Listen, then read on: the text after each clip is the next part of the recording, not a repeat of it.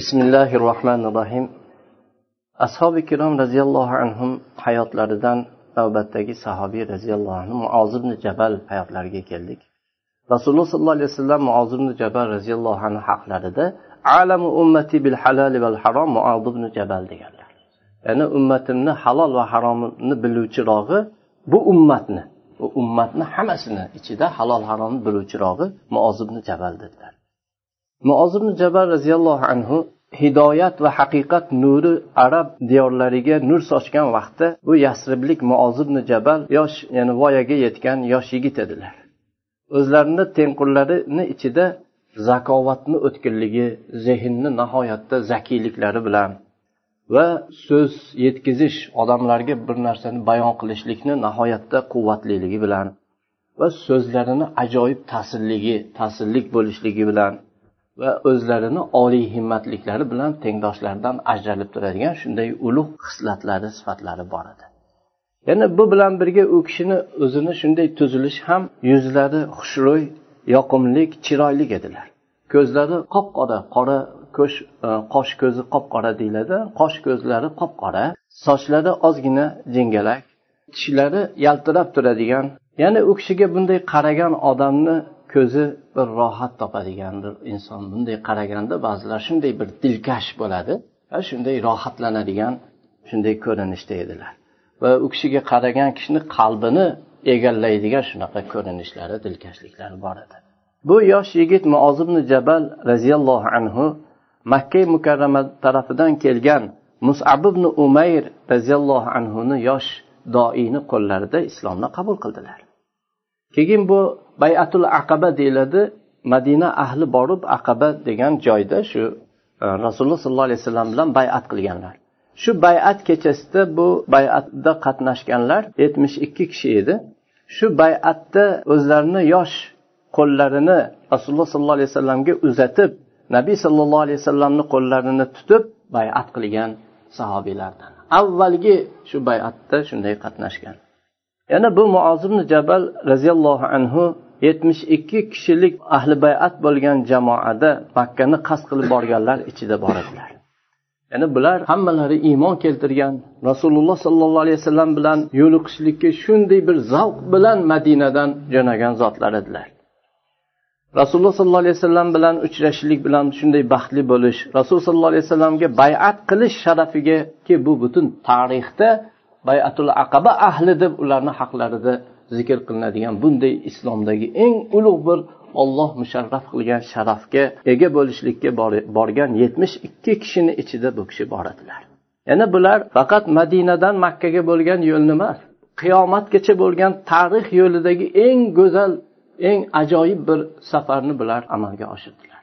Nihoyatda chiroyli zikr qilingan bu bayat ahli deb eslanadigan ajoyib bir sharafni qo'lga kiritdilar. Bu madinalik yigit muozimni jabal borib bayatni qilib makkadan madinaga qaytar ekanlar. U kishi va u kishiga o'xshagan tengdoshlardan yoshlar yigitlar bir jamoa tuzdilar. Uch to'rt kishi bo'ldilarda mahkam ahdlashib olib butlarni sindirishga butlarni tashqariga olib chiqishlikka ba'zi o'rinlarda mushriklardan madinada tortib olib ba'zan sirran yoki ba'zan ochiqchasiga shunday borib butlarni chiqarib tashlaymiz deb shu shunday tashabbus bilan besh oltilari shunday birlashib oldilar ularni bu yosh yigitlarni bu harakatlarni ta'siridan yasribdagi eng ulug' kishilardan bittasi amr ibn jamuh islomga kirishliklariga sabab bo'ldi bularni bu harakatlari. Amr ibn jamuh roziyallohu anhu bani salama sayyidlaridan ya'ni bir qavmning eng katta ulug'laridan ularni sharafli kishilardan biri edi. U kishi boshqa hamma bu sharafli boy badavlat odamlar o'zlarini uylarida bu mushriklarda o'zlariga xos but olganga o'xshash bu amr ibn jamuh ham o'zini uyida qimmatbaho bir yog'ochdan o'zini uyida bir butni yasab shu butni har kun ipak kiyimlar kiygizib bezab uni yog'lab har kuni. Endi yog'och yog'lash kerak yog'lab keyin xushbo'ylab har kun shunday qattiq bir ahamiyat berib bu o'zini butiga ya'ni xudosiga shunday katta bir iltifot ko'rsatar edi. Bu yosh yigitlar kechasida bu kishi uxlab yotgan vaqtda sekin yashirinib kelib butini joyidan olib chiqdilarda bu banu salima qabilasini uylarini orqasida bir oxlat tashlaydigan chuqurlar bor edi. Olib chiqib shu chuqurga tashlab yuborishdi. Ertalab bu kishi turganida buti joyida yo'q butini topolmadi uyni hamma yoqni aylanib chiqdi buti yo'q. Keyin tashqariga chiqib aylandi. Oxiri shu oxlat chuqurida oxlatga botib shunday yuztuban bo'lib tiqilib qolganini ko'rdida butini u yerdan chiqarib oldi. E senlarni holingga voy bu kecha bizni bu xudoyimizga kim bunday ish qildi dedi. Keyin uni balchiqdan chiqardi tozaladi yuvdi xushbo'yladi yana uyiga olib kelib joyiga qaytib tiklab qo'yib qo'ydi. Keyin xudosiga qarab aytdiki ey manot dedi allohga qasamki agar senga bu ishni qilgan odamni bilsam topsam uni rasvo qilaman dedi. Keyin chol u kuni yana kechqurun bo'luvdi yana uxladi. Uxlab qolganda bu yigitlar ham poylab turishuvdi. Va ajoyibligi bu cholni e, uchta o'g'illari ham bor bu jamoada. O'shandan ular yaxshi foydalanib ya'ni o'g'illar qarab turadi otalari uxlab ya xurrak otib yaxshi uxlagandan keyin darrov ko'payishib kirib butni ko'tarishdi yana olib chiqib uzoqroqdagi bir chuqurga boshqa bir chuqurga uni tashlashdi. Ertasi bu kishi uyg'ondi yana butini qidirdi. Bu oxlat chuqurlaridan boshqa bir oxlatda uni topdi. Uni yana chiqarib yuvib tozalab atirlar sepib xushbo'y qilib keyin bu xudosiga tajovuz qilgan odamga juda qattiq topsam bunday qilaman bunday qilaman deb qattiq bir tahdidlar bilan qo'rqitdi. Bu narsa ko'p takror bo'lavergandan keyin u cholam borib uni har kun chiqarib oladi yuvadi xushbo'ylaydi uyiga olib ketadi. Keyin bir kun keldida aytdiki butni bo'yniga o'zini qilichini chiqarib bo'yniga osib qo'ydi. Butiga qarab ey manot dedi. Bularni qasamiga qarang. Vallohi dedi. Ollohga qasamki dedi. Senga bu ishni qilayotgan odamlar men ularni bilmayapman kimligini topolmayapman. Sen bilasan uni. Ey manot senda bir yaxshilik bo'lsa anu qilich senda tursin o'zingni o'zing bir himoya qil deb qilichni osib qo'yib ketdi. Kechqurun u kishi yana uyquga ketganda bu yigitlar butni oldiga kelishdi. Qilichni sekin bo'ynidan olib qo'yishdi. Va bu butni olib chiqib bir it o'lib qolgan ekan. Shu itni o'ligini ham olib kelib birga bunga bog'ladi. Bo'ynidan bu butga bog'ladida keyin uni birga chuqurga tashlab yuborishdi ertalab o'rnidan turib yana butni qidirdi. Qidirib qidirib borib bir chuqurni ichida shunday boshi bilan chuqurga tiqilib qolgan bu oxlatga va bo'ynidan bir it unga birlashtirib bog'lab qo'yilgan holatda topdi. Shunda butiga qarab aytdiki tallohi law kunta ilaha lam takuni anta va kalbun fi qarani allohga qasamki agar sen xudo bo'lganingda sen bir it bilan bu iflos chuqurlikni ichida bir orqonda birga yotmagan bo'larding. Hech bo'lmasa shundan o'zingni chiqararding dedi keyin bani salama ulug'i bo'lgan amr ibn jamuh roziyallohu anhu islomni qabul qildilar. Bundan keyin u kishini islomi nihoyatda chiroyli go'zal bo'ldi. Rasululloh sollallohu alayhi vasallam madinaga hijrat qilib kelgan vaqtlarida bu muoz ibn jabal roziyallohu anhu rasul sollallohu alayhi vasallamni soyadek soya kabi lozim tutdilar. Doim tursalar turib yursalar yurib birga rasul sollallohu alayhi vasallam bilan birga edilar. Rasululloh sollallohu alayhi vasallamdan qur'onni o'rgandilar. Rasululloh sollallohu alayhi vasallamdan islom shariatlarini o'rgandilar. Hatto alloh taoloni kitobini ashoblarni ichida eng qorirog'i yaxshi o'qiydiganrog'i muoz jabal bo'ldilar. Va olloh shariatini yaxshi bir faqih bo'lib yaxshi tanigan zot muoz jabal bo'ldilar. Yazid ibn qutayb u kishi haqida gapirib aytadiki bir kun himsdagi masjidga kirdim. Shunda qarasam bir yosh yigit sochlari qo'ng'iroq jingalak bir yigit o'tiribdi. Uni atrofida butun odamlar to'plangan. Hammalari bu kishini atrofida shunday quloq solib shu ilmlardan bahramand bo'lib o'tiribdi. Bu yigit gapirsa xuddi og'zidan bir nur chiqib gavhar sochilayotganga o'xshash edi. Shunday so'zlari ma'nolik shunday nurlik ajoyib chiqaradi. Aytdimki bu bu kishi kim dedim ya'ni ko'rgan odam o'zi hayratga tushadigan ajoyib shunday xislatli muozibni jabal deyishdi. Abu muslimil havloniy zikr qilib aytadilarki dimashq masjidiga keldim. Shu shomdagi katta shaharlardan dimashq masjidiga keldim. U yerda bir halqa ilm halqalaridan bir halqa bor edi. Rasululloh sollallohu alayhi vasallamni keksa yoshdagi ashoblari hammalari to'planib o'tirgan edi. Ularni ichida qosh ko'zi qora tishlari yaltirab turgan juda bir yoqimli bir yigit bor edi. Bu katta yoshdagi sahobiylar qaysi bir ishda bunaqamikin bunaqamikin deb ixtilof qilib qolsalar darrov shu yosh yigitga murojaat qilishar edi. Nima ixtilof chiqsa bu kishidan so'rab bu kishiga murojaat qilishar edi.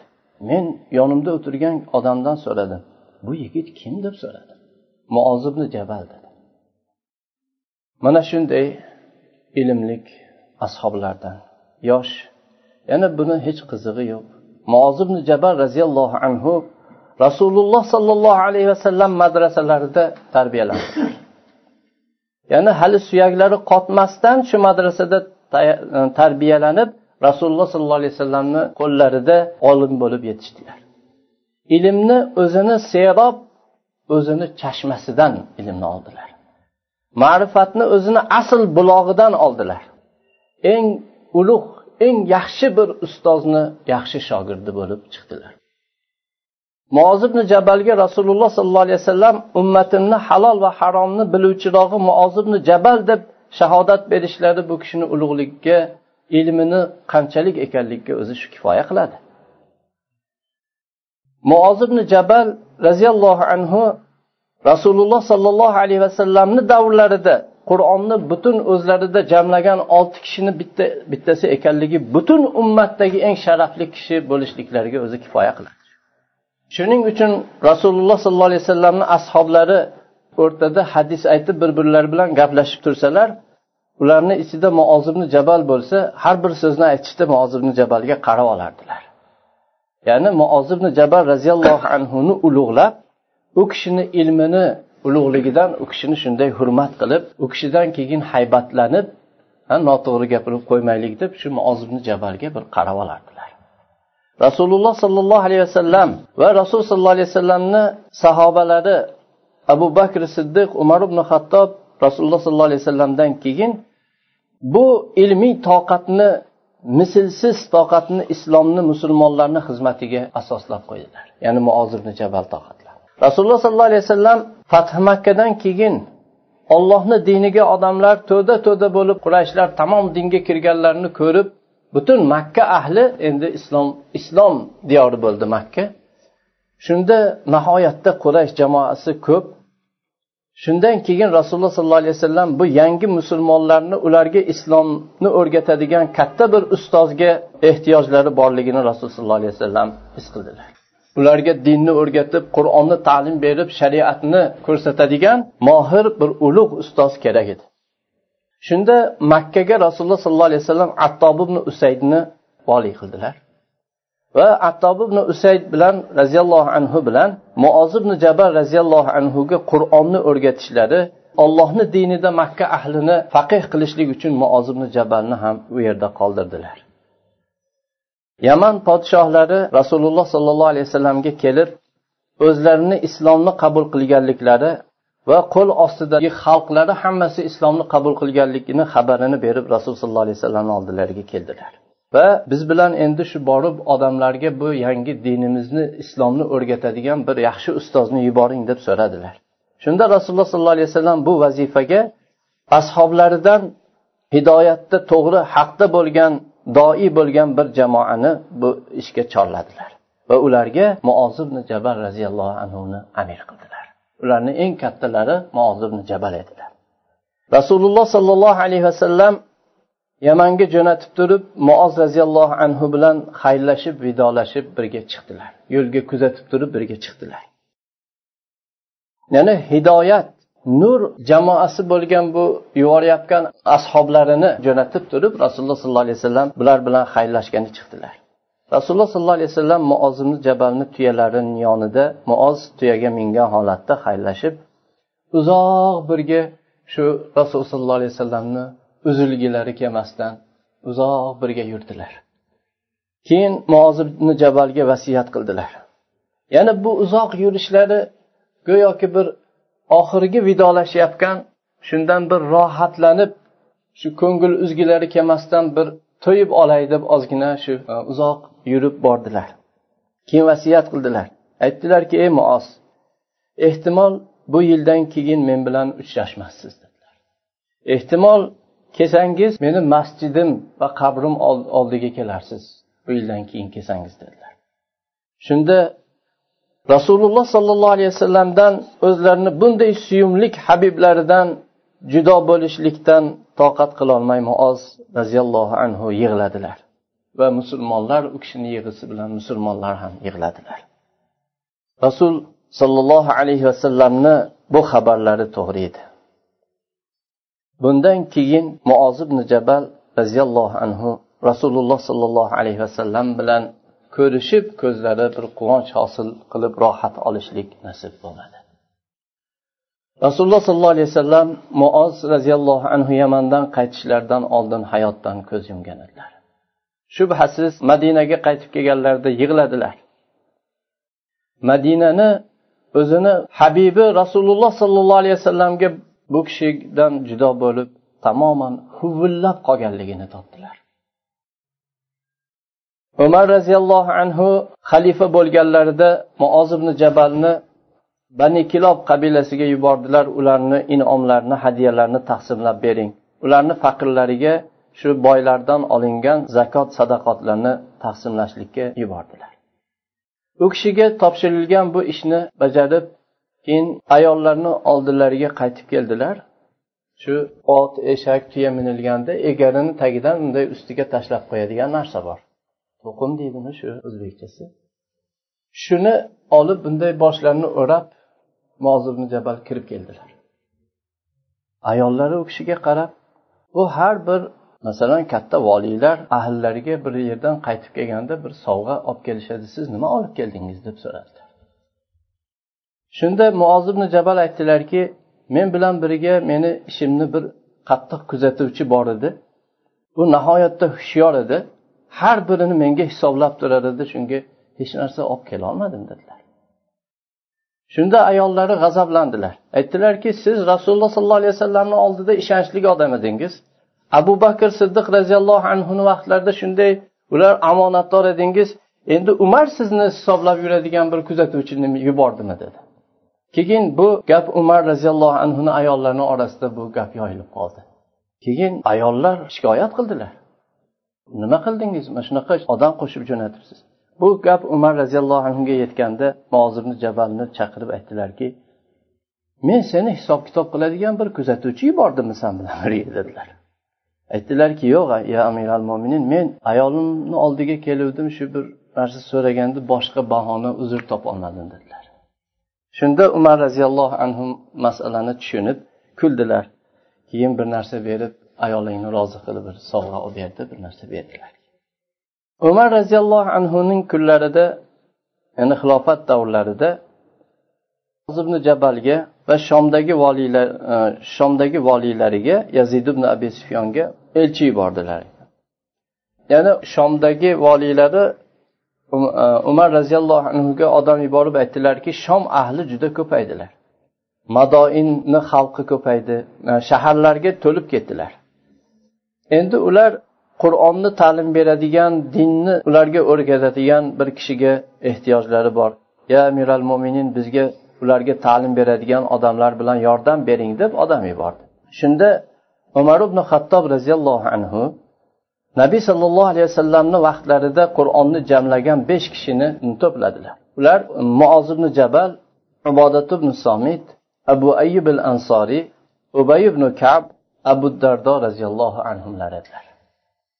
Ularga aytdilarki bu shom ahli bo'lgan mo'min birodarlarimiz bizdan ularga qur'on ta'lim beradigan kishini yordam beringlar deb so'rab odam yuboribdilar. Shuni talab qilyaptilar. Dinni ularga tushuntiradigan odam kerak. Allohni rahmati bo'lsin shu beshalangiz ichingizdan uch kishi bilan yordam beringlar menga dedilar. Agar xohlasanglar qur'a tashanglar qur'a tashlamasanglar men o'zim sizlardan uch kishini o'zim tanlab olaman dedi shunda aytishdiki nimaga qur'a tashlaymiz. Abu ayub ansoriy roziyallohu anhu bu kishi qarib qolgan edilar u vaqtda. Qarib qoldilar. Ubay roziyallohu anhu u kishi ozgina kasalmand. Endi shu bu ikkalalari bormasalar shu uch kishimiz xolos o'zi dedilar. Bizni yuboring. Shunda umar aytdilarki bo'lmasa borib sizlar shu hims degan shahardan boshlaysizlar agar hims ahlini holatidan qoniqib endi bo'ldi bular yaxshi mana qur'on o'rganganlar ilm E, o'rganganlar bo'ldi desanglar unda sizlarni bittangiz dimashqqa ketinglar yana bir kishi falastinga ketinglar dedilar. Bir kishi himsda qolsin. Shunda rasululloh sollallohu alayhi vasallamni bu uchta sahobalari umar ibn hattob roziyallohu anhu buyurgan bu vazifa bilan himsga ketdilar. Himsda ozgina turib u yerga ibodat ibn somitni qoldirdilar va abu dardo roziyallohu anhu dimashqqa ketdilar. Muoz ibn jabal roziyallohu anhu falastinga ketdilar bu yerda yurarkanlar vafot hozir bo'lgan vaqtda qiblaga qarab mana shu so'zlarni qaytardilar. O'limga marhabo o'limga marhabo dedilar uzoq g'oyiblikdan keyin kelgan ziyoratchiga marhabo.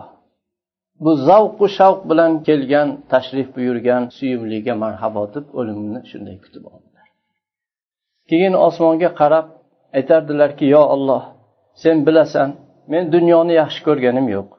Dunyoda uzoq turishlikni bir daraxtlar ekay bog'lar qilay yo bir daryolar chiqaray deb yaxshi ko'rganim yo'q.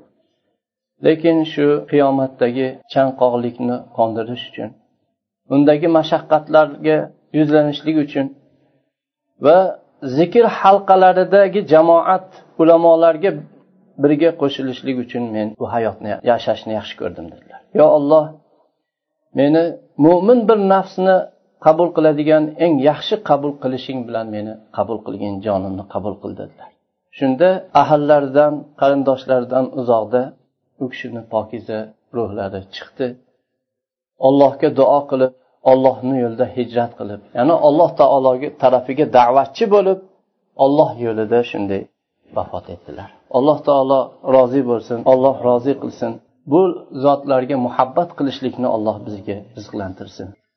ربنا اغفر لنا ولإخواننا الذين سبقونا بالإيمان ولا تجعل في قلوبنا غلا للذين آمنوا ربنا ربنا إنك رؤوف رحيم. سبحانك اللهم وبحمدك أشهد أن لا إله إلا أنت أستغفرك وأتوب إليك.